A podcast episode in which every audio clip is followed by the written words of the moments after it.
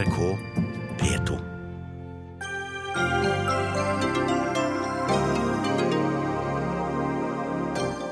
En nordmann, Hassan Kaire, er utnevnt til statsminister i Somalia. Hva blir hans utfordringer? Og han bør frata sitt norske pass. Det mener Mazyar Keshvari fra Fremskrittspartiet, som vil at flyktninger som trygt kan være i sine hjemland, ikke lenger trenger norsk statsborgerskap. UDI vil frata en hel familie statsborgerskapene fordi UDI mener besteforeldrene løy om hvor de kom fra i 1990. Men nå må det bli slutt på at Norge tar passet fra folk som har vært der en hel generasjon, mener Miljøpartiet De Grønne, og møter motbør fra nettopp Frp. Nyvalgt leder av det nye Helsepartiet, Lise Askvik, mener at norsk helse er langt dårligere enn sitt rykte, og møter Høyre debatt. USAs utenriksminister er i Mexico for å forklare hvorfor mange hundre tusen illegale flyktninger sendes tilbake, og hva har han sagt i løpet av dagen.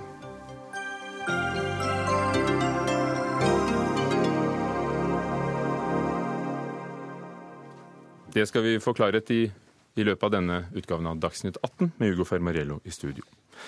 Somalias nye statsminister er norsk. Han heter Hassan Kaire, er 49 år gammel og har bodd i Norge siden han kom som flyktning da han var 21 år gammel. Hassan Kaire er utdannet sosiolog og har vært sjef for det britiske oljeselskapet eh, Soma Oil de siste årene, men har nå sagt opp for å bli statsminister nettopp i Somalia. Jens Mjaugedal, Norges spesialrepresentant for Somalia, med oss fra Mogadishu, hovedstaden. Hva slags regjering er det Kaire skal lede?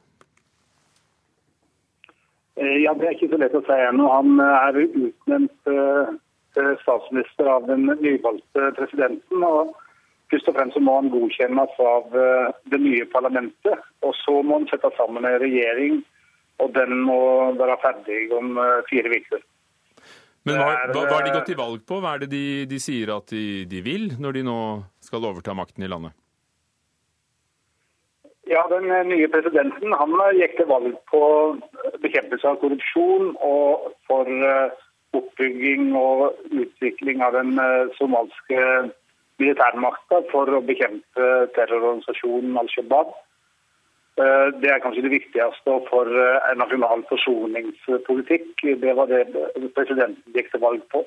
Statsministeren har ikke gått til valg på noen ting. Han er utnevnt av presidenten og blir senere som sagt godkjent av parlamentet.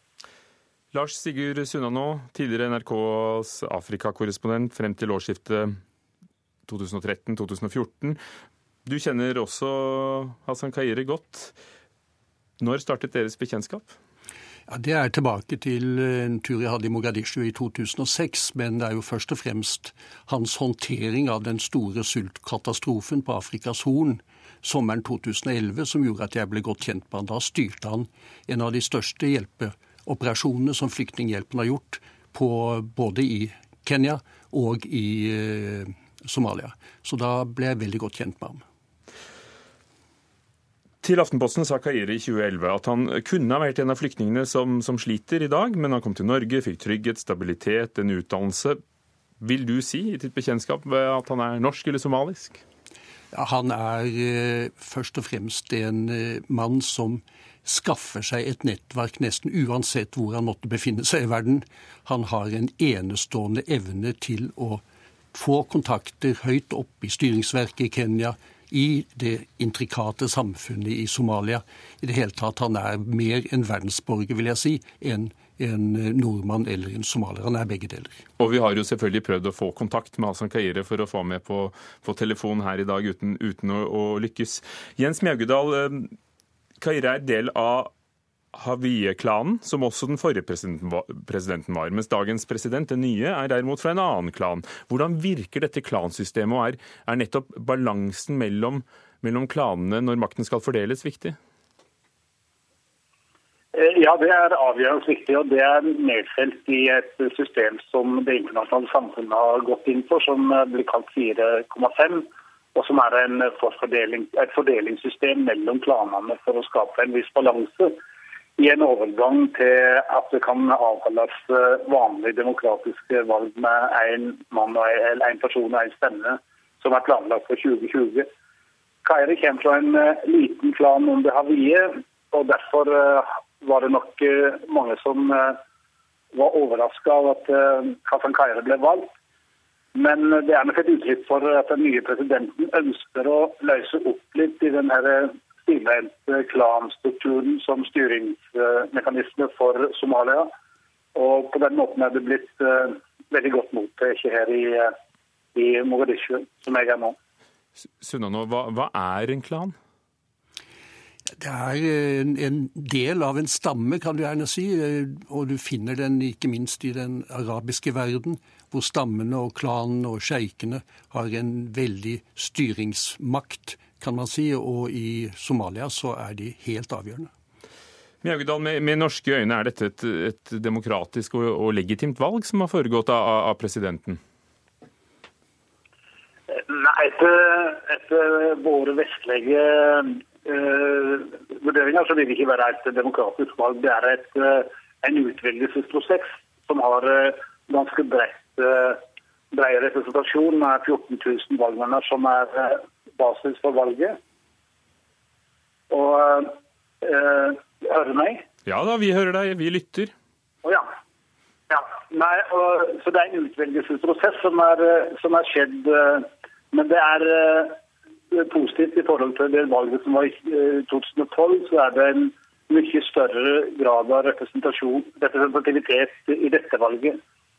Og, og det er jo da en regjering som er internasjonalt anerkjent. Men paradokset her er at de har jo ikke kontroll over store deler av, landet sitt pga. Uh, Al Shabaab. Hva handler denne konflikten om? Ja, det er, eh, det er primært Al Shabaab er en terrororganisasjon som er knytta til Al Qaida fra 2010. Og, men det er et politisk fenomen i Somalia som uttrykker de underliggende konfliktene både mellom klaner og mellom regioner. Og det går på alt fra ressursfordeling til landspørsmål. Og eh, ved siden av at det er en nasjonal eh, konflikt, så er det da deler av Al Shabaab, som er en, det du kaller en jihadistisk organisasjon med, med ekstremistisk holdninger til terror i særlig nabolandet Kenya. Mm. Lars Sigurd Sunnanå, nå. du dekket den kidnappingen som Flyktninghjelpens konvoi ble utsatt for i 2012. Eh, da var altså Kaire regionsjef for Afrikas Horn for den norske Flyktninghjelpen. Hvordan havnet og løste han den konflikten? Ja, du kan si at Kritikken har jo gått på at sikkerhetsforanstaltningene var for dårlige da denne kidnappingen av fire av hans medarbeidere fant sted. Men det er jo illustrerende for hans enorme kontaktnett at da de fire ble brakt inn i Somalia fra flyktningleiren Dadab, så ringer altså Hassan til en krigsherre som står på god fot med regjeringsherren, og ber rett og slett om 20-30 soldater som er lokalkjente, og som kan hjelpe til med å oppspore eh, gisseltakerne og gislene. Og fra Flyktninghjelpens kontor i Nairobi så dirigerer han en, i realiteten en militær operasjon som fører til et lykkelig utfall hvor de fire blir befridd eh, etter to-tre dager med skuddløsning og, og, en ren militær operasjon. Og Det er jo ikke akkurat det normalt en humanitær organisasjon skal drive på med. Men i dette spørsmålet her og i denne situasjonen så, så løste det altså da denne krisen. og det er illustrerende for hans fantastiske kontaktnett både i Somalia og også i Kenya. Men en sjåfør ble drept som ikke hadde fått sikkerhetsklarering. Oslo tingrett dømte siden Flyktninghjelpen for grov uaktsomhet og utbetaling av erstatning på 4,5 millioner kroner til en tidligere ansatt som hadde fått sparken etter å ha varslet om dette. Og der, Jens Mjaukedal, skal ikke du slippe å kommentere, fordi du, du, var jo også selv ansatt i Flyktninghjelpen. Men hvilke forutsetninger mener du at Kaire har for å lede en regjering, som jo er en, en ganske ny rolle? For det første så har han eh, presidentens eh, eh, tillit. Så har den stor oppslutning. Nå i dag er det vært veldig godt mottatt her i, i Mogadishu og rundt om i landet. Så jeg tror han ved siden av de personlige egenskapene som han hever, så tror jeg at Kairi kommer til å få en utrolig vanskelig jobb. For det å være statsminister i, i Somalia det er ikke noen enkel jobb. Men personlige egenskaper og det at han har så, mye stor, så stor oppslutning at han, han, har et veldig godt navn gjennom det arbeidet han gjorde som Sunnanåsa i fylkekatastrofen i 2012. Og selvfølgelig det at han da har leda et, et forretningsselskap nå som eh, men, men nettopp. kanskje håp om det er jo da et forretningsselskap eh, som har vært under eh, britiske Økokrims søkelys pga. korrupsjon. De henla saken, men et selskap fra London som nettopp har som formål å utvinne olje i Somalia, har kontrakter med den somaliske regjeringen. Og selv om han har sagt opp sin stilling der, så hadde det jo vært som om Norge skulle fått en statsminister som akkurat kom fra en toppjobb i, i, i Statoil. Ja, jeg skal ikke gå inn på Ja, Det kunne kanskje hente. Jeg vet ikke ja, om det er umulig.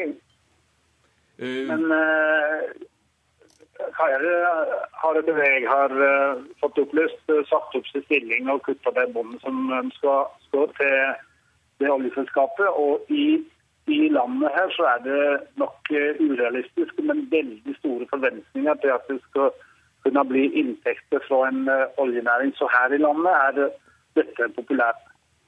Sunna nå? Jeg syns vi skal være glad for én ting, og det er at Hassan Kaire nå blir statsminister. Vi har en truende sultkatastrofe under oppseiling enda en gang i Somalia. Vi har problemer da også selvfølgelig i Sør-Sudan, hvor det er virkelig ille. Men det er en ny sultkatastrofe under oppseiling. Og da har en statsminister med den bakgrunnen han har fra humanitært arbeide, det tror jeg Somalia skal være glad for. Og hva vil det gjøre med norske relasjoner med Somalia når vi har en nordmann som statsminister, Jens Mjaugedal? Ganske kort. Nei, Det gjenstår å se, tror jeg. Han har et uh, godt forhold til Norge. og Jeg tror at uh, vi kommer sikkert til å se ham på besøk eh, offisielt eh, i Norge om ikke altfor lang tid. Uh, og det er, I tillegg til Hassan Kaire så er det fire parlamentsmedlemmer som, har, som er norsk bakgrunn, som norsk-somalier. Og så er han som er stortingspresident eller leder for parlamentet, han er Javari. Han er norsk. Så vi har veldig stor norsk kontingent i det politiske lederskapet her i Somalia. Takk, Jens Bjaugedal, som er altså UDs spesialrepresentant for Somalia, og Lars Sigurd Sunnanå, tidligere Afrikakorrespondent. Dagsnytt 18 alle hverdager kl 18.00 på NRK P2 og NRK2.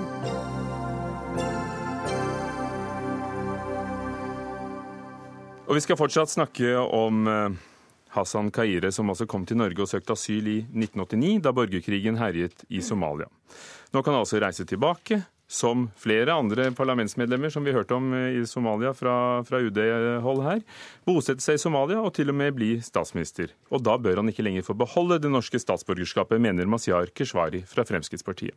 Og i dag skriver Aftenposten om UDI, som ønsker å frata statsborgerskapene til medlemmer av en hel familie som har vært i Norge i tre generasjoner, for en mulig løgn 27 år etter at de kom. Skal slike saker aldri bli foreldet? Mazyar Keshvari, for å begynne med det første stortingsrepresentant for eh, Frp. Det er jo to helt forskjellige saker, men i begge handler det om spørsmålet når skal Norge kunne ta fra et menneske statsborgerskapet? Hvorfor mener du eh, Hassan Kaire ikke lenger skulle kunne være norsk statsborger? Eh, det beror på to faktorer. Det ene kommer før eh, statsborgerskap. Eh, det denne saken illustrerer, sammen med at den somalske nasjonalforsamlingens president og flere medlemmer av nasjonalforsamlingen har norske statsborgerskap, viser med all tydelighet behovet for at opphold og beskyttelse bør være av midlertidig og ikke permanent art. Noen som har beskyttelsesbehov i en periode, trenger ikke nødvendigvis å ha det Eh, for en lengre periode. I disse tilfellene så har vi mennesker som i sin tid har hatt beskyttelsesbehov.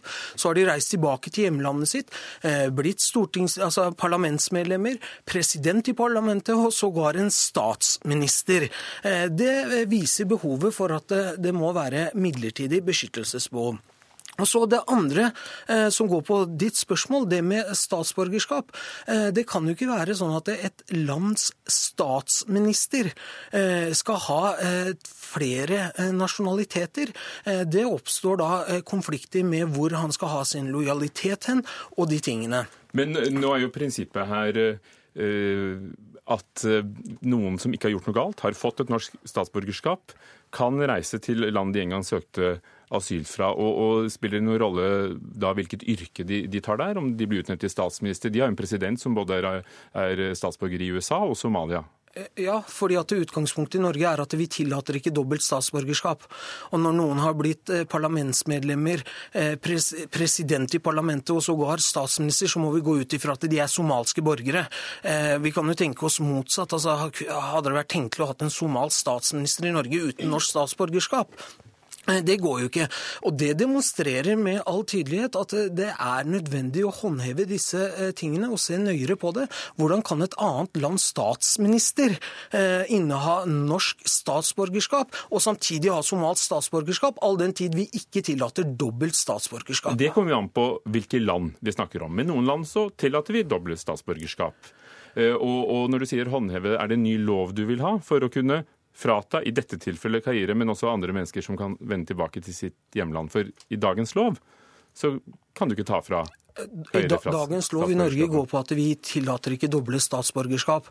Eh, og så er det sånn at Praktiseringen eh, varierer. Hvis man ser på skriv fra UDI og andre land, eh, så er det mer på praksis at når det kommer til Somalia, så er det ikke så nøye med å håndheve det. Vi er nødt til å se på det, men vi er også nødt til å se på lovgivningen.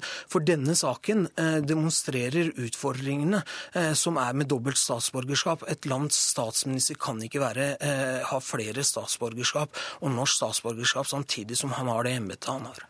For Somalia er det tydeligvis ikke et problem? Nei, for Somalia er det ikke et problem. Men Somalia er jo et land med store utfordringer, og jeg tror ikke vi skal ha Somalia som forbilde når det kommer til hva slags lover, regler og institusjoner vi skal ha i Norge. Una Aina Bastholm, nasjonal talsperson i Miljøpartiet De Grønne. Hvis det er trygt for Hassan Kaire å, flytte tilbake til Somalia, og han ja, til og med kan bli statsminister, hvorfor skal han eh, fortsatt kunne beholde statsborgerskapet?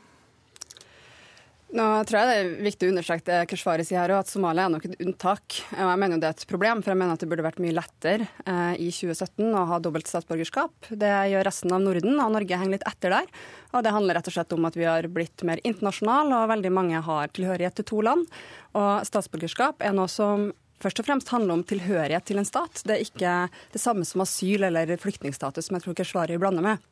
Så derfor så gir det ikke mening. Han hadde aldri fått norsk statsborgerskap uten å ha søkt om asyl og få innvilget opphold. Men grunnen til at du får statsborgerskap, uh, er fordi at du har vært her såpass lenge at alle sammen er enige om at da har du en tilhørighet til riket.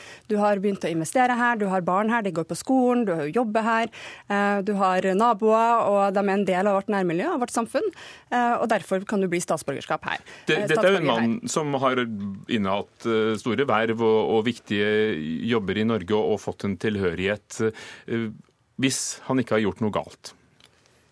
Hvorfor skal han da miste statsborgerskapet? Eh, fordi at han er Somalias eh, statsminister, og naturlig nok da somalier. Jeg kan ikke se for meg at et lands øverste regjeringssjef altså ikke skal ha statsborgerskap i det landet. Men de har han. Han er, han er somalsk statsborger. Ja, selvfølgelig er han det. Selvfølgelig er han det. Det er det ingen tvil om. Og da kan han ikke beholde det norske statsborgerskapet all den tid vi ikke tillater dobbelt statsborgerskap. Er det så enkelt at vi ikke tillater dobbelt statsborgerskap? UDI opplyser at pga. situasjonen i Somalia så, så, krever man at man må si fra seg statsborgerskap. Man krever ikke at man må si fra seg statsborgerskapet. Ja, jeg tenker jo at det her er et interessant eksempel. altså Veldig spesielt. da, for I sånne situasjoner har man ganske sjelden at noen blir statsminister men, i et annet land, mens de har eh, norsk statsborgerskap. Jeg tror det er enda viktigere at vi debatterer de grunnleggende reglene for å ha statsborgerskap i Norge, hvor Frp og Miljøpartiet De Grønne står på to helt forskjellige planeter. Jeg mener at statsborgerskap er ikke noe eh, du får som en medalje for lang og tro tjeneste eller for å ha oppført deg pent. Det er noe du har som en demokratisk rett. I prinsippet skal du være statsborger av et land land i verden, eh, og du er statsborger der hvor du har mest tilhørighet. Og Har du sterk tilhørighet til to stater, og det her har vi gode metoder for å finne ut, eh, så kan du også ha dobbelt statsborgerskap, mener jeg. Men tror du ikke det finnes andre som har større behov for eh, norsk statsborgerskap enn ham, men som ikke får det fordi, fordi vi har en så restriktiv asylpolitikk? Veldig godt spørsmål. fordi Det er jo et veldig viktig poeng at statsborgerskap er jo ikke et nullsumspill. Så det er jo ikke sånn at ved at noen får statsborgerskap fordi at de oppholder seg her og, og har investert her og har bodd der i mange år, og barna og familien og noen av de eksemplene vi snakker om her, er jo tre generasjoner eh, med, med, familiemedlemmer som har bodd i Norge da, i 27 år. Den ene saken vi skal komme til den saken. Ja, eh, Da er det det som gjør at man får statsborgerskap og beholder et statsborgerskap. Og at barna i sånne saker rammes, er jo enda verre, syns jeg. Keshvari, du tar til orde for at uh, Norge i stedet for å innvelge statsborgerskap etter syv år, skal kunne ha en utvidet periode med beskyttelse for asylsøkere. Men når de nå har fått statsborgerskapet, uavhengig om de blir statsminister, bare forklare til dette, uh, og de kan vende hjem til Somalia, betyr det at, at du mener at de også ikke trenger det norske statsborgerskapet hvis, hvis det er trygt i hjemlandet? Lenger? Ja, altså Dette starter før. Eh, statsborgerskapsløpet er som hovedregel syv år i Norge etter perman... altså, Jo, men for, dem, de for dem, som har fått det? Når de har fått det, eh, så viser jo det det jeg sier, at det, hovedregelen må bli midlertidig beskyttelse. Og Vi har jo foreslått at det skal være fem år før man eh, vurderer permanent opphold, og dernest begynne på en statsborgerskapsløp. For det er jo ikke unikt i denne saken. Det er svært mange mennesker som så fort de får opphold, er tilbake til hjemlandet. Og i de tilfellene tilfellene så kan man altså ikke innvilge permanent opphold og gi norsk statsborgerskap. Mener du at for dem det gjelder, chilenere som kom hit under militærdiktaturet, eller folk fra da, Jugoslavia den gangen, altså Bosnia f.eks., at de i dag, når det er trygt og har fått norsk statsborgerskap, ikke lenger trenger å, å ha det? Eh, nei, men det er jo ikke det samme som når du innehar det øverste eh, folkevalgte vervet i de landene der det er eh, folkevalgte valg som avgjør. Eh, men når du blir altså statsminister, når du blir del av maktapparatet i et annet land, så kommer lojalitetskonflikter og andre ting. Eh, altså, Bosniere må gjerne reise tilbake til Bosnia som norske borgere. Det rokker jo ikke ved deres grunnleggende lojalitet. Hvis de ikke har dobbelt statsborgerskap, eh, så så, er ikke det noe problem. Men det er altså forbudt i Norge å ha dobbelt statsborgerskap. Men det er med mange europeiske land traktater som gjør at man kan ha det allikevel. Bastholm. Ja, men Da får man ta en debatt om det. Vi diskuterer jo hva som er regelverket i Norge. Og det er, jo, eh, det er jo et problem. Eh, og så syns jeg kanskje det mest sånn urovekkende ved det Keshvari sier, at han går så langt i å uttale seg om en veldig konkret sak om ett menneske. Og det er ikke sånn som vi politikere egentlig skal drive med. Det der Vi skal lage lovene, og så er forvaltninga, UDI, som skal gjøre vurderingene. Jeg mener at UDI nå får helt feil instruksjoner fra myndighetene, altså fra Listhaug i, denne, situasjonen, fordi de blir bedt om å prioritere høyt og gå gjennom eldgamle statsborgerskap statsborgerskapssaker. Og det vi snakker om nå, er den saken som Aftenposten skriver om i dag. Jeg er bare nødt til å si noe til deg. Vi har ikke til vane å kommentere enkeltsaker, men andre lands statsoverhoder, eh, når det, det eh, kommer, viser problemstillinger, så er det det som har gjort det aktualiserte, og vi er her i studio i dag. Eh, vi har en norsk borger som altså har blitt statsminister i Somalia, og det er helt legitimt å diskutere hva slags utfordringer det viser. Så du kunne faktisk tenke deg en liten tilførelse til loven om statsborgerskap? Jeg mener at vi er først og og fremst nødt til å se på praksis her, ja. all den tid det er ulovlig med dobbelt statsborgerskap. For å snakke om den saken som Aftenposten skriver om i dag. Der er det altså en familie eh, på tolv medlemmer som UDI mener skal miste statsborgerskapet for de to som kom den gangen. Ifølge UDI har løyet om at de var statsløse palestinere og ikke jordanere, som UDI mener at de var. Eh, denne saken dreier seg om en rapport fra passkontrollen på Fornebu i 1996 og, og oppføringer i jordanske registre. Mm. Er det riktig at myndighetene kan komme nå og, og, og, frata ikke bare de som kom, men også de som var barn da de kom, og deres barn igjen statsborgerskapet? Det er jo helt vanvittig. Jeg tenker Dette er en praksis som kunne ha fått mange av oss til å gå i gatene, og veldig mange av oss kjenner oss ikke igjen nå i den, det Norge har blitt. Uh, man bruker egentlig det regelverket man har da, om statsborgerskap, til nå å presse UDI til å gå gjennom masse gamle saker. Den her 27 år gammel, Mahad-saken som mange nå etter hvert også kjenner, er jo 17 år gammel.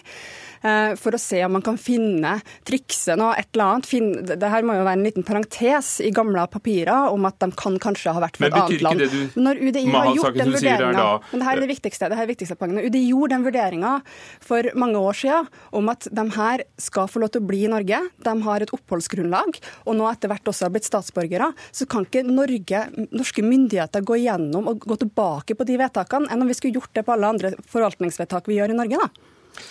Keshvari. Det er utrolig å først bli irettesatt fordi man kommenterer en eh, statsminister eh, med norsk statsborgerskap, og så høre at eh, motdebattanten går og mener det er en komma i denne saken. Jeg kan ikke kommentere enkeltsaken her og gå i detaljene på det. Men på generelt grunnlag så må jeg få lov til å si det at vi kan ikke belønne svindel, bedrag og juks for opphold og norsk statsborgerskap i Norge. For du mener at dagens praksis er riktig, som, som ditt partis statsråd har har instruert UDI å gjennomgå da også 20 år gamle saker ja, men, og se etter feil i papirene. Men la meg, la meg, bare få lov til å opplyse Miljøpartiet De Grønne og programlederen om dagens praksis. Da. Dagens praksis er ikke noe som er funnet på av Listhaug. Eh, den nye statsborgerskapsloven ble fremmet av Bondevik-regjeringen i 2005 og ble vedtatt av en enstemmig storting. Ingen partier stemte imot det.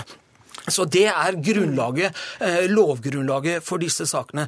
Dernest så er det viktig å poengtere eh, i dagens verden, der 65 millioner medmennesker er enten internt forfulgt, altså intern, på internflukt eller forfulgte i verden, så kan vi ikke drive og eh, belønne juks, bedrageri og svindel for opphold og dernest norsk statsborgerskap Dette er altså et, et, lov som stammer fra 2005, da dere riktignok ikke satt på Stortinget, som forvaltes nå. Ja, og, og ville ikke det man, åpnet for juks hvis ikke den loven kan følges? Sånn helt rent for, for politisk, det er bevisst ble ikke satt en foreldelsesfrist. Ja, det som har skjedd, skjedd, politisk, er at du hadde et uh, flyktningforlik på Stortinget, hvor Miljøpartiet De Grønne og SV ikke var med, hvor man bl.a. ble enige om at økte ressurser til UDI bl.a. skulle gå også på uh, å gå gjennom gamle statsborgerskapssaker. Men regelverket er, uforståelig er jo for meg, men, det, men det ble det politisk flertall for, dessverre.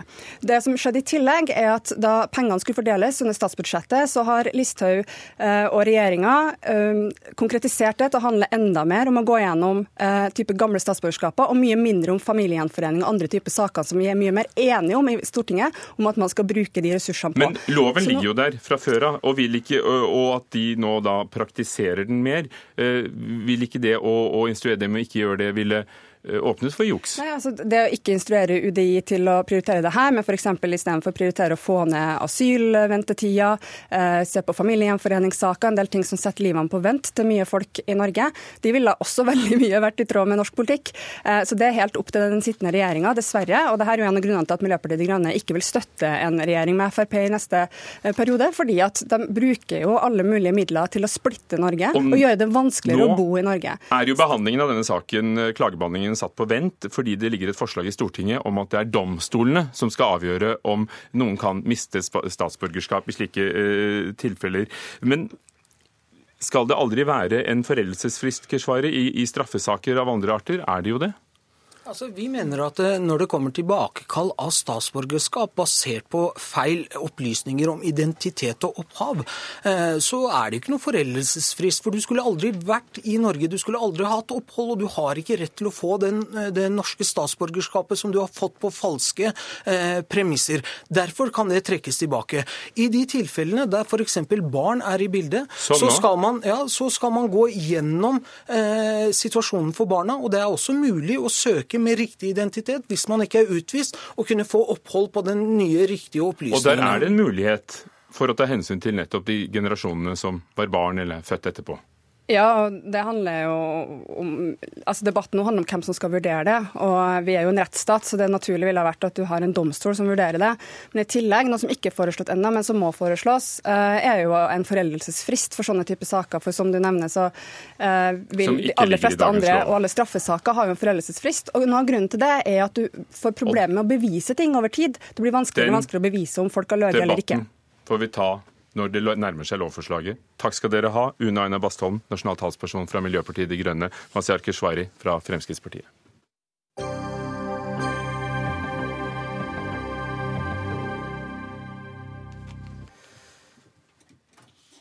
SV-politiker angriper nettavisen Minerva, og her er bakgrunnshistorien.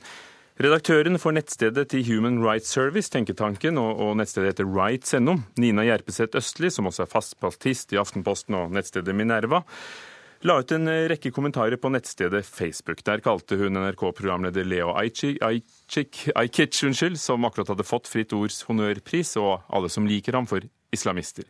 I tillegg skrev hun at eh, islamistenes fremmarsj krevde voldelig motmæle. Redaktøren la seg helt flat etter kommentarene og har beklaget dem, og sier også at hun på ingen måte støtter politisk vold, og at voldelig motmæle ikke betydde annet enn veldig kraftig til motmæle. Hun fikk støtte av Minervas redaktør, og det reagerer SVs Snorre Valen på, og sier at Minerva er med på å normalisere en tenketank som sprer dystopiske konspirasjonsteorier. Og Snorre Valen, stortingsrepresentant for eh, SV, hva legger du i dystopiske eh, konspirasjonsteorier i dette tilfellet? Det er jo de regelmessige påstandene fra Human Rights Service om at eh, regjering og norske myndigheter er svikere og forrædere, og at vi befinner oss midt i en sivilisasjonskamp. Og Hvis man virkelig mener det, så er jo problemet at eh, vold egentlig ikke ligger så langt unna, og egentlig kan ses på som et ganske legitimt virkemiddel. Så det her handler ikke så mye om hva redaktøren for HRS eh, skriver i affekt på Facebook, men det handler mer om den volden som ligger latent i ideologien som ligger bak. Jeg forbeholder meg, kan, si forbeholder meg retten, spesielt etter 22.07, til å ta antydninger om forræderi og sivilisasjonskamp eh, på dødsens alvor. Og så syns jeg Minerva og høyresida bør gjøre det samme, istedenfor å prøve å bortforklare den typen uttalelser.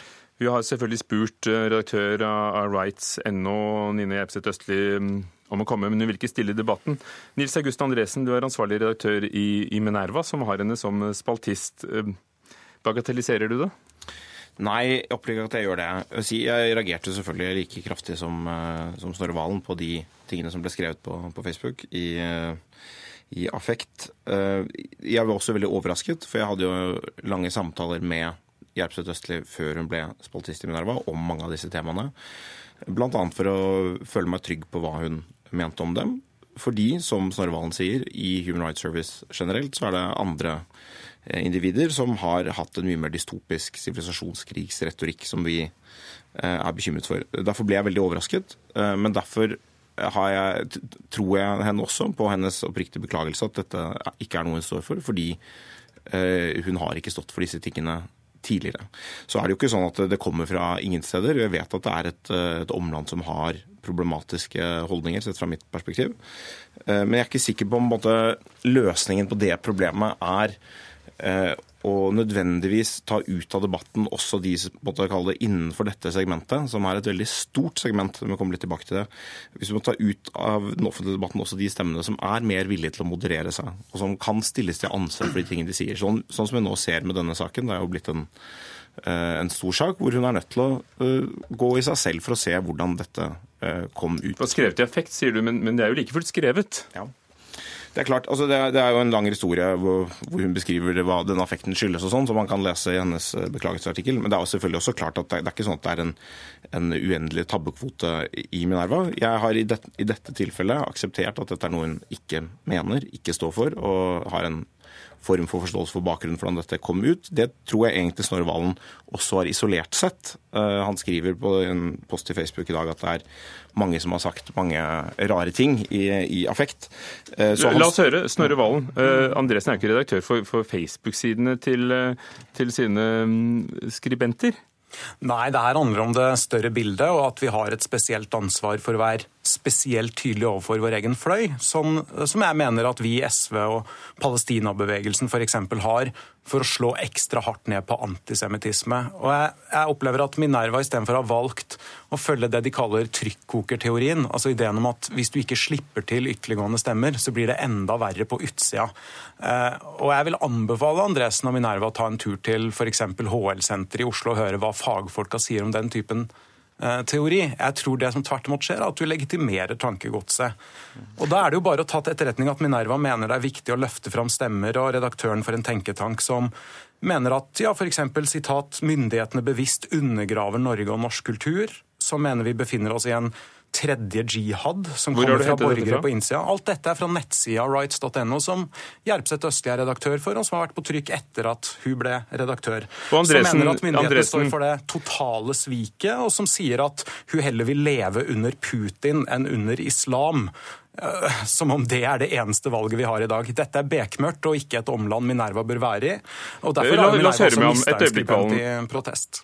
Andresen, eh, du sa jo selv at du, du hadde lange samtaler uh, med, med skriventen og om i det hele tatt hun skulle begynne hos, hos dere, og, og du, vil, du vil ha refleksjonene. Hvorfor? Ja, altså, jeg anerkjenner jo de problemene Snorre tar opp. Jeg, tror, altså, jeg er, mener at en av vår tids aller største utfordringer er aggressiv høyrepopulisme, høyrenasjonalisme i Europa og i USA, i alle vestlige land. Eh, og så er Snorre Valen og jeg litt uenige om hvordan det best kan bekjempes. Og det handler ikke nødvendigvis akkurat om trykkokerteorien. Eh, men jeg Hva handler det om? Jeg tror Snorre Valen tillegger en liten avis som Minerva kanskje en for stor mulighet til å hvitvaske og renvaske andre aktører. Men, Altså, men det- hun er jo redaktør for et nettsted Ja. som har mange følgere, og, og Ja. blir tatt på alvor. Blir invitert Ja. til debatter hit, annet. Ja. Så, så hvorfor Men- vil du ha dem på ditt nettsted? Ja, Det skal jeg si litt om. Altså, vi har to den type nettsteder i Norge som er ganske betydelige. HRS, Human Rights Service, og Document. Dette er nettsteder som er vesentlig større enn Minerva. Eh, Vi ser på holdningsundersøkelser nå ikke fra Norge, men fra store andre europeiske land, at over halvparten av respondentene i store land som Storbritannia, Frankrike, Tyskland osv. sier nei til all videre muslimsk innvandring. Vi har et kjempestort problem med holdninger som verken Snorre eller Valen jeg liker, men som er der. Eh, Jeg har ikke makt til å holde det på utsiden i en bitte liten avis i Norge. Det jeg ønsker å kunne bidra til, og det er ikke sikkert jeg lykkes, og jeg hører at Snorre Valen er bekymret og tar, tar det for så vidt på alvor, eh, men det jeg ønsker å bidra til, er å få denne type stemmer, eh, den type bekymring, inn i mest mulig produktive former. Eh, i- Produktiv? Ja, altså mest mulig i, i, et, I et format hvor de for det første kan stilles til ansvar, hvor de kan komme i dialog med mer moderate stemmer, hvor de kan møte motargumenter, og hvor de må formulere seg i et språk som står trygt på den liberale politiske rettsstaten. For Valen, er det ikke sånn at hvis ikke eh, Minerva hadde sluppet dem til, ja, så hadde ikke vi sittet her, så hadde det ikke blitt den store debatten, fordi, eh, fordi da kom det litt ut av, av de vante leserne. Nå, nå kan det godt hende at ikke disse to nettstedene som du nevnte liker å bli slått i hardcore med hverandre, men, men, men det kommer jo ut til annerledes tenkende som reagerer. Jo, Men hva om eh, SV skulle i dag i vår tid begynt å åpne for ytterliggående voldsromantikere og, antisemitter med det argumentet at det er bedre at vi slipper de inn og stiller de til ansvar, enn at de står på utsida og roper? Det hadde jo selvfølgelig med rette Nils August Andresen reagert svært kraftig på. Og dette er jo ikke noe vi velger å ta på alvor, det er faktisk noe vi er nødt til å ta på alvor. For i Norge har vi et veldig nylig eksempel på hva som kan skje hvis mennesker utafor de her organiserte miljøene opplever det samme som Human Rights Service forteller oss, nemlig at vi er midt i en sivilisasjonskamp, at myndighetene er forrædere. Vel, da kan mennesker ty til vold, og jeg tror, jeg må bare understreke det, ikke at noen i Human Rights Service er tilhengere av å bruke vold, men jeg syns både de og nå Minerva har et veldig ubevisst forhold til signaleffekten det gir å, legitimere dem. Jeg syns Minerva opptrer litt som om det her bare er sånn nachspiel-diskusjon eller et seminar der bare ideer brytes og ingen kan komme til å ta skade. Og det er bare å ta til etterretning. Andresen, du, du rister på hodet, men vil det ikke være som om en venstreradikal tidsskrift slapp til eh, revolusjonære som sto for væpnet revolusjon? Jo, kanskje hvis det var, eh, hvis det var 50-40% av befolkningen som hadde sympatier som gikk i den retningen, eh, så, kunne man hatt den diskusjonen. Eh, Jeg vil si, jeg, Snorre Valen er ofte veldig dyktig til å ta avstand fra umskete og venstresiden. Det beundrer jeg, det syns jeg er veldig flott. Jeg mener også at vi tar veldig knallhardt avstand fra de tingene han nå snakker om. Spørsmålet er om en skribent som har tilknytning til slike miljøer, som ikke selv mener disse tingene som er redaktør Ja. for det største Ja. nettstedet. Du kan ikke fortsette å skille denne redaktøren fra alle ytringene hun faktisk setter på trykk og sprer støtte til. Sluttreplikk til Andresen. driver markedsføring for, Ja. som jo er midt oppe i Sluttreplikk til konspirasjonsland. Andresen Ja, der. altså jeg mener at det er, hvis ikke, hvis ikke Minerva klarer å få denne type stemmer inn i en mer konstruktiv debatt, så vet jeg ikke om noen andre klarer det heller. Og da er det ikke sikkert resultatet blir det Snorre Valen ønsker seg. Takk. Nils August Andresen, som er eh, redaktør nettopp i Minerva, og Snorre Valen fra SV. Hør Dagsnytt 18 når du vil. Radio NRK Radio.nrk.no.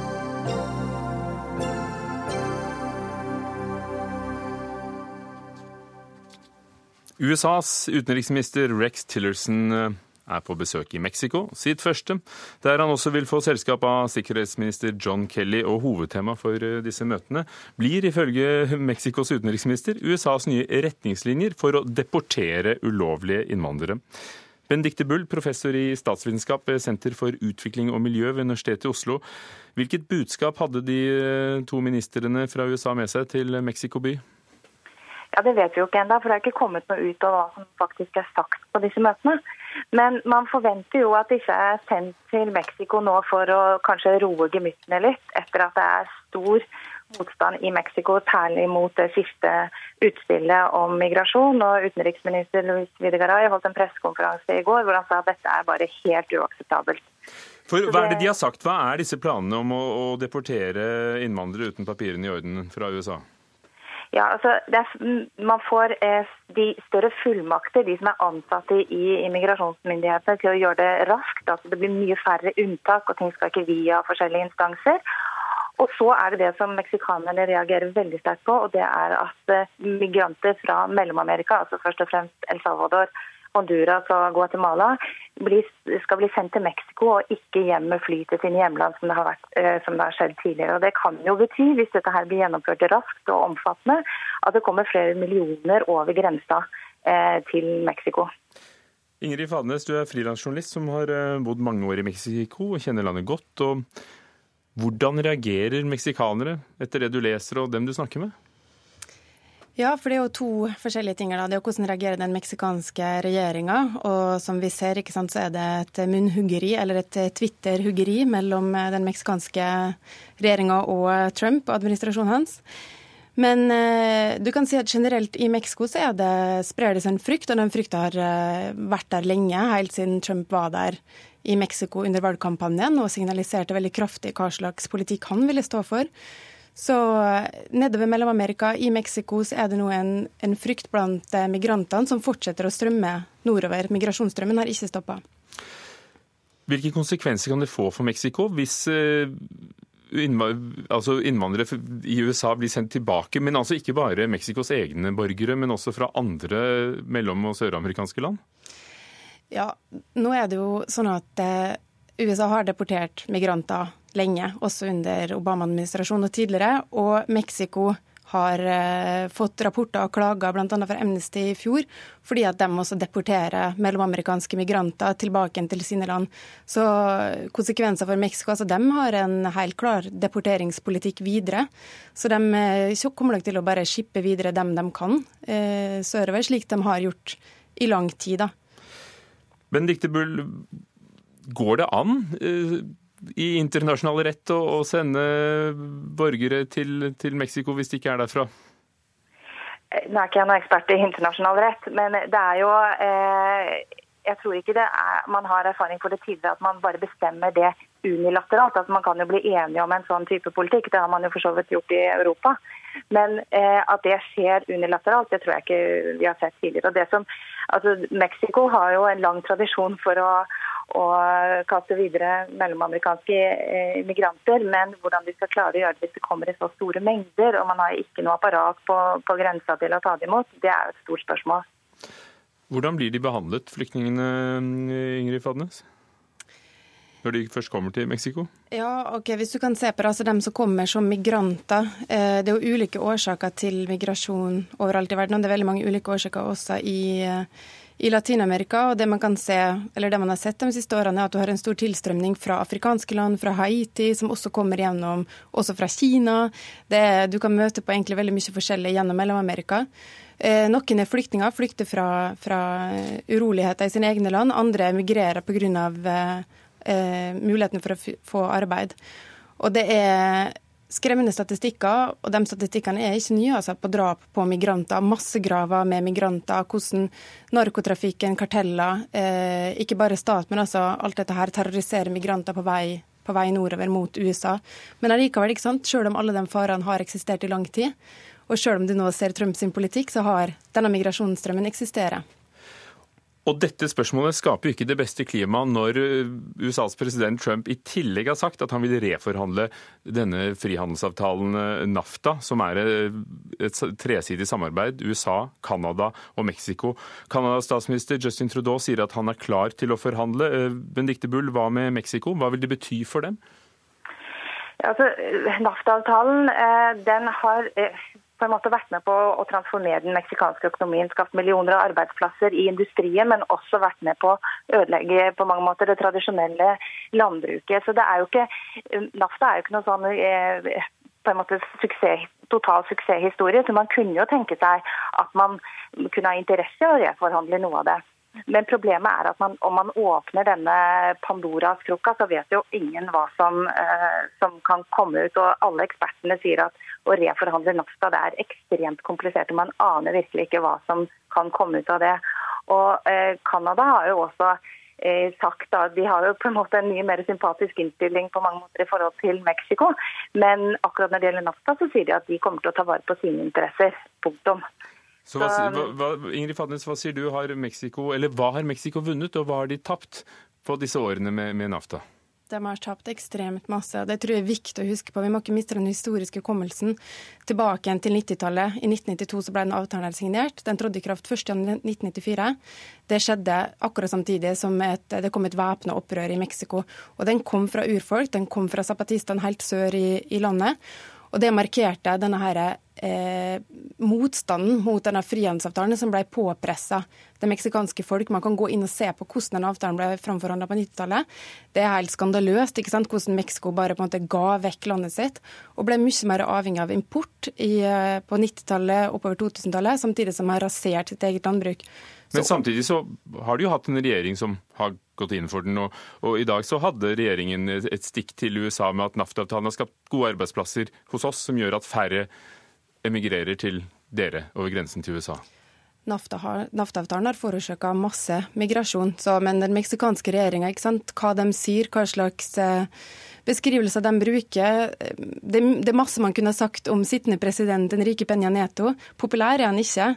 Eh, og det er klart han representerer eh, rike selskaper, altså den mer velstående næringslivssektoren i, i Mexico, som har hatt eh, god nytte av NAFTA-avtalen, men det som er mer eh, nasjonalindustri, altså i det hele tatt, de har på en måte solgt ut store deler av landet og raserte landbruket. Så Benedicte Bull, kan det da være at, at mange i Mexico vil, vil se lyst på en reforhandling av den avtalen? Ehm, eh, både ja og nei. fordi det er mange som skulle sett at den var helt annerledes, at man, eller at man ikke hadde den. Men det er veldig få som har noe særlig tillit til at altså, Peña Nieto, presidenten eller utenriksminister Luis Vida Garay eh, har eh, evner eller vil reforhandle den på en måte som kommer manges interesser til gode. Og også, du ser jo fra USA sin side at eh, de er jo opptatt av å styrke enda mer sine egne interesser. Nå er det ikke så sikkert at det blir et stort tema i dag, fordi man har, altså nå kommer da innenriksminister eh, eller, og um, utenriksminister, og ikke noen som har et sånn handelsmandat. Så hvor, hvorvidt det kommer inn i bildet, det er mer usikkert. Vi får se når de kommer ut fra møtene og holder pressekonferanse. Takk skal dere ha, begge to. Benedicte Bull, eh, professor i statsvitenskap ved Universitetet i Oslo, og Ingrid Fadnes, frilansjournalist med, med lang erfaring i Mexico.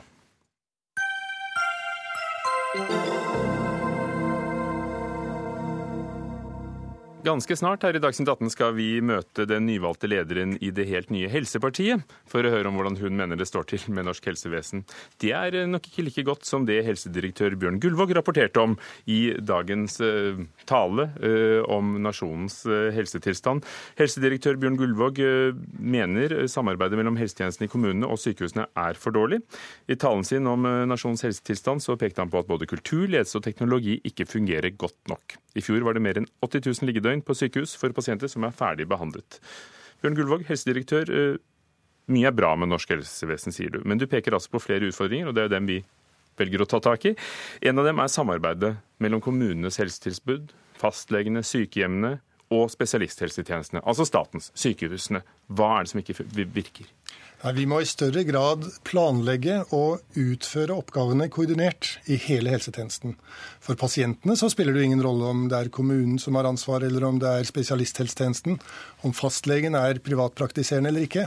Alt dette skal fungere eh, som en samlet helsetjeneste. Og det er det som er viktig å få til. Og hva er det som ikke fungerer?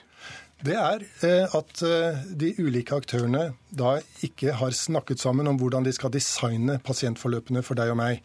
Og Det bidrar til at det blir liggende eh, mennesker i sykehusene som sykehusene sier er ferdig eh, behandlet medisinsk sett, og hvor kommunene ikke har kapasitet til å ta dem imot.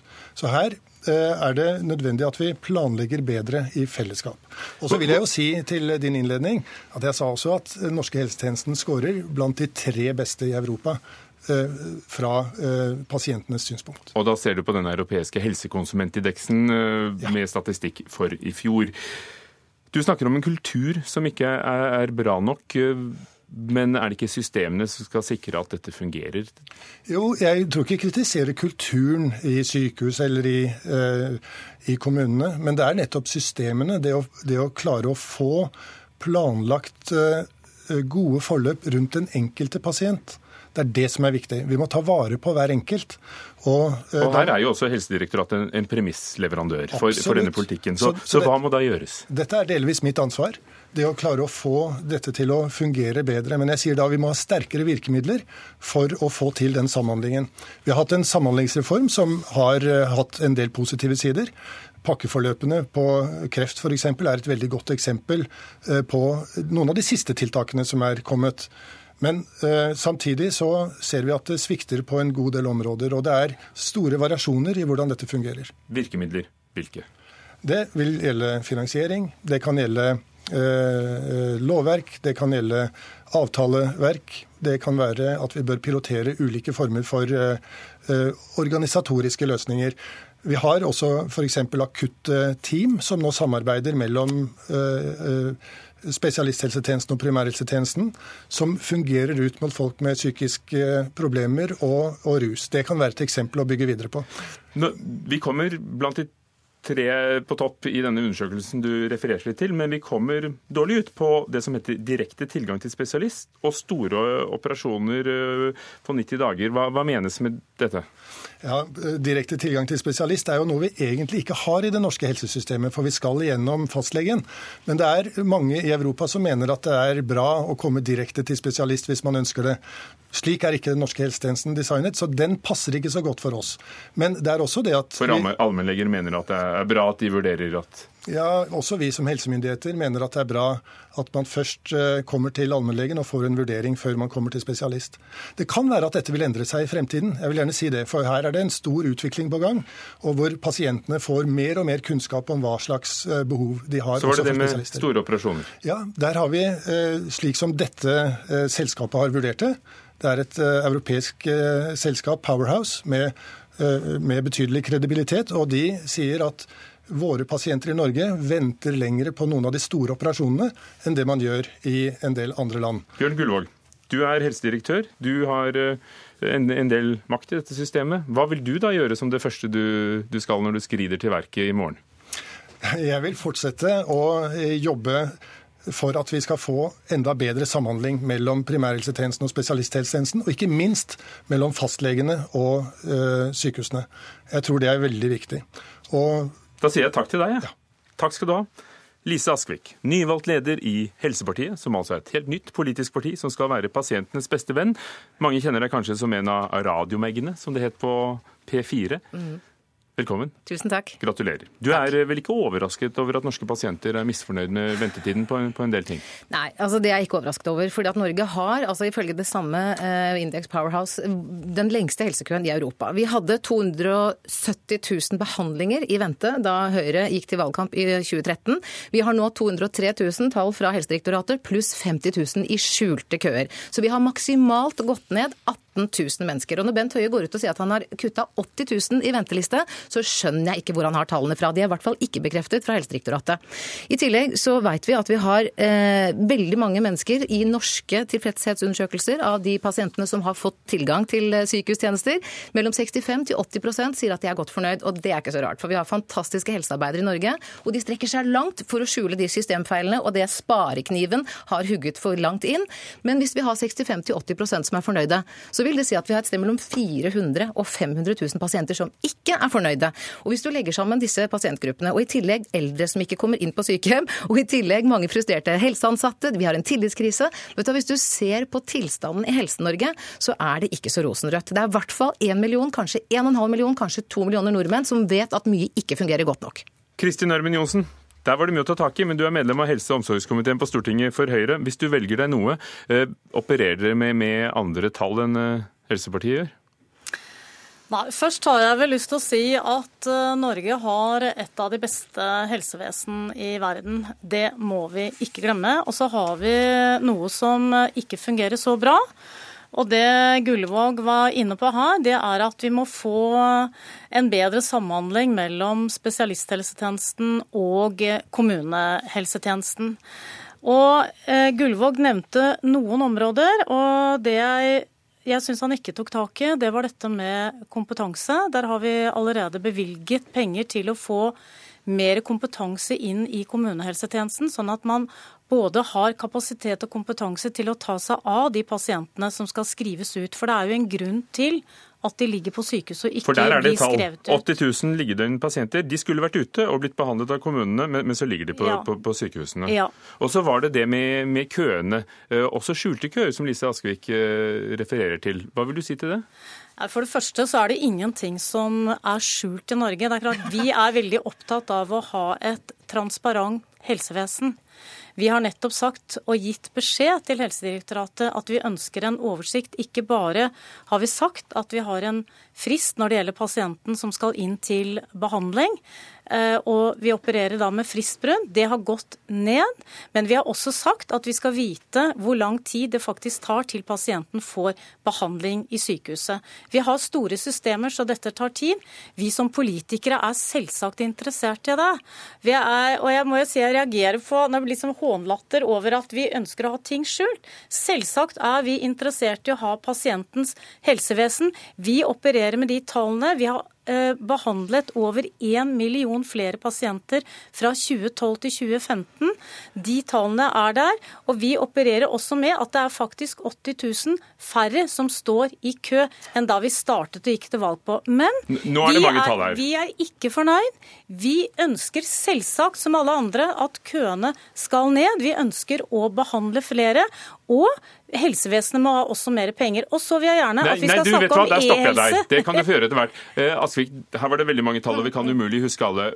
Vi er enige om at alle vil ha et topp fungerende helsevesen hele tiden. Vi har, selv, vi har sittet i dette studioet her med andre helsepolitikere og diskutert også de køene som er etter at behandlingsforløpet er startet, mm. som du kaller skjult, men, men, men som har vært oppe. Medisin, altså jeg, denne spontane håndlatteren kom rett og slett fordi at disse journalistene som har jobbet fram den, den skjulte køen, de har hatt en kjempejobb. Så den transparenten eh, som hun snakker om, den er si illusjon. Høie, Høie påstår at han ville offentliggjort de tallene uansett. Så, ja, okay. så vi lar den saken ligge der. Mm. Hvorfor er du så engasjert i dette?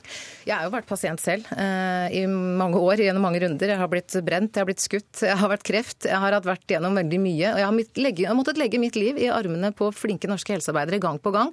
Og fortviler med dem over et system som i ganske liten grad, i hvert fall innimellom, legger til rette for at de skal få gjort jobben sin.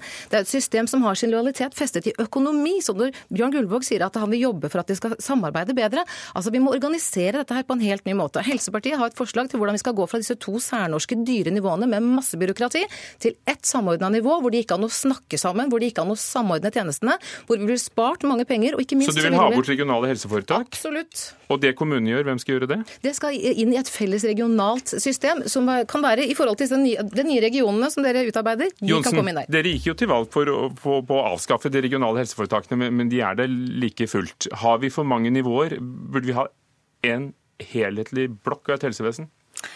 Det tror jeg kanskje ville føre til enda mer byråkrati, hvis du skal både samhandle alle kommunene i Norge og eh, kommune- og spesialisthelsetjenesten. Jeg klarer ikke.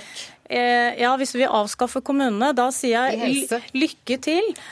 Eh, Vi vet jo hvor vanskelig det er å slå sammen kommunene på frivillig basis. Men det jeg har lyst til å ta tak i, vi er opptatt av kvalitetsforbedringer i helsevesenet. Vi er opptatt av pasientens helsevesen, at det skal drives på pasientens premisser.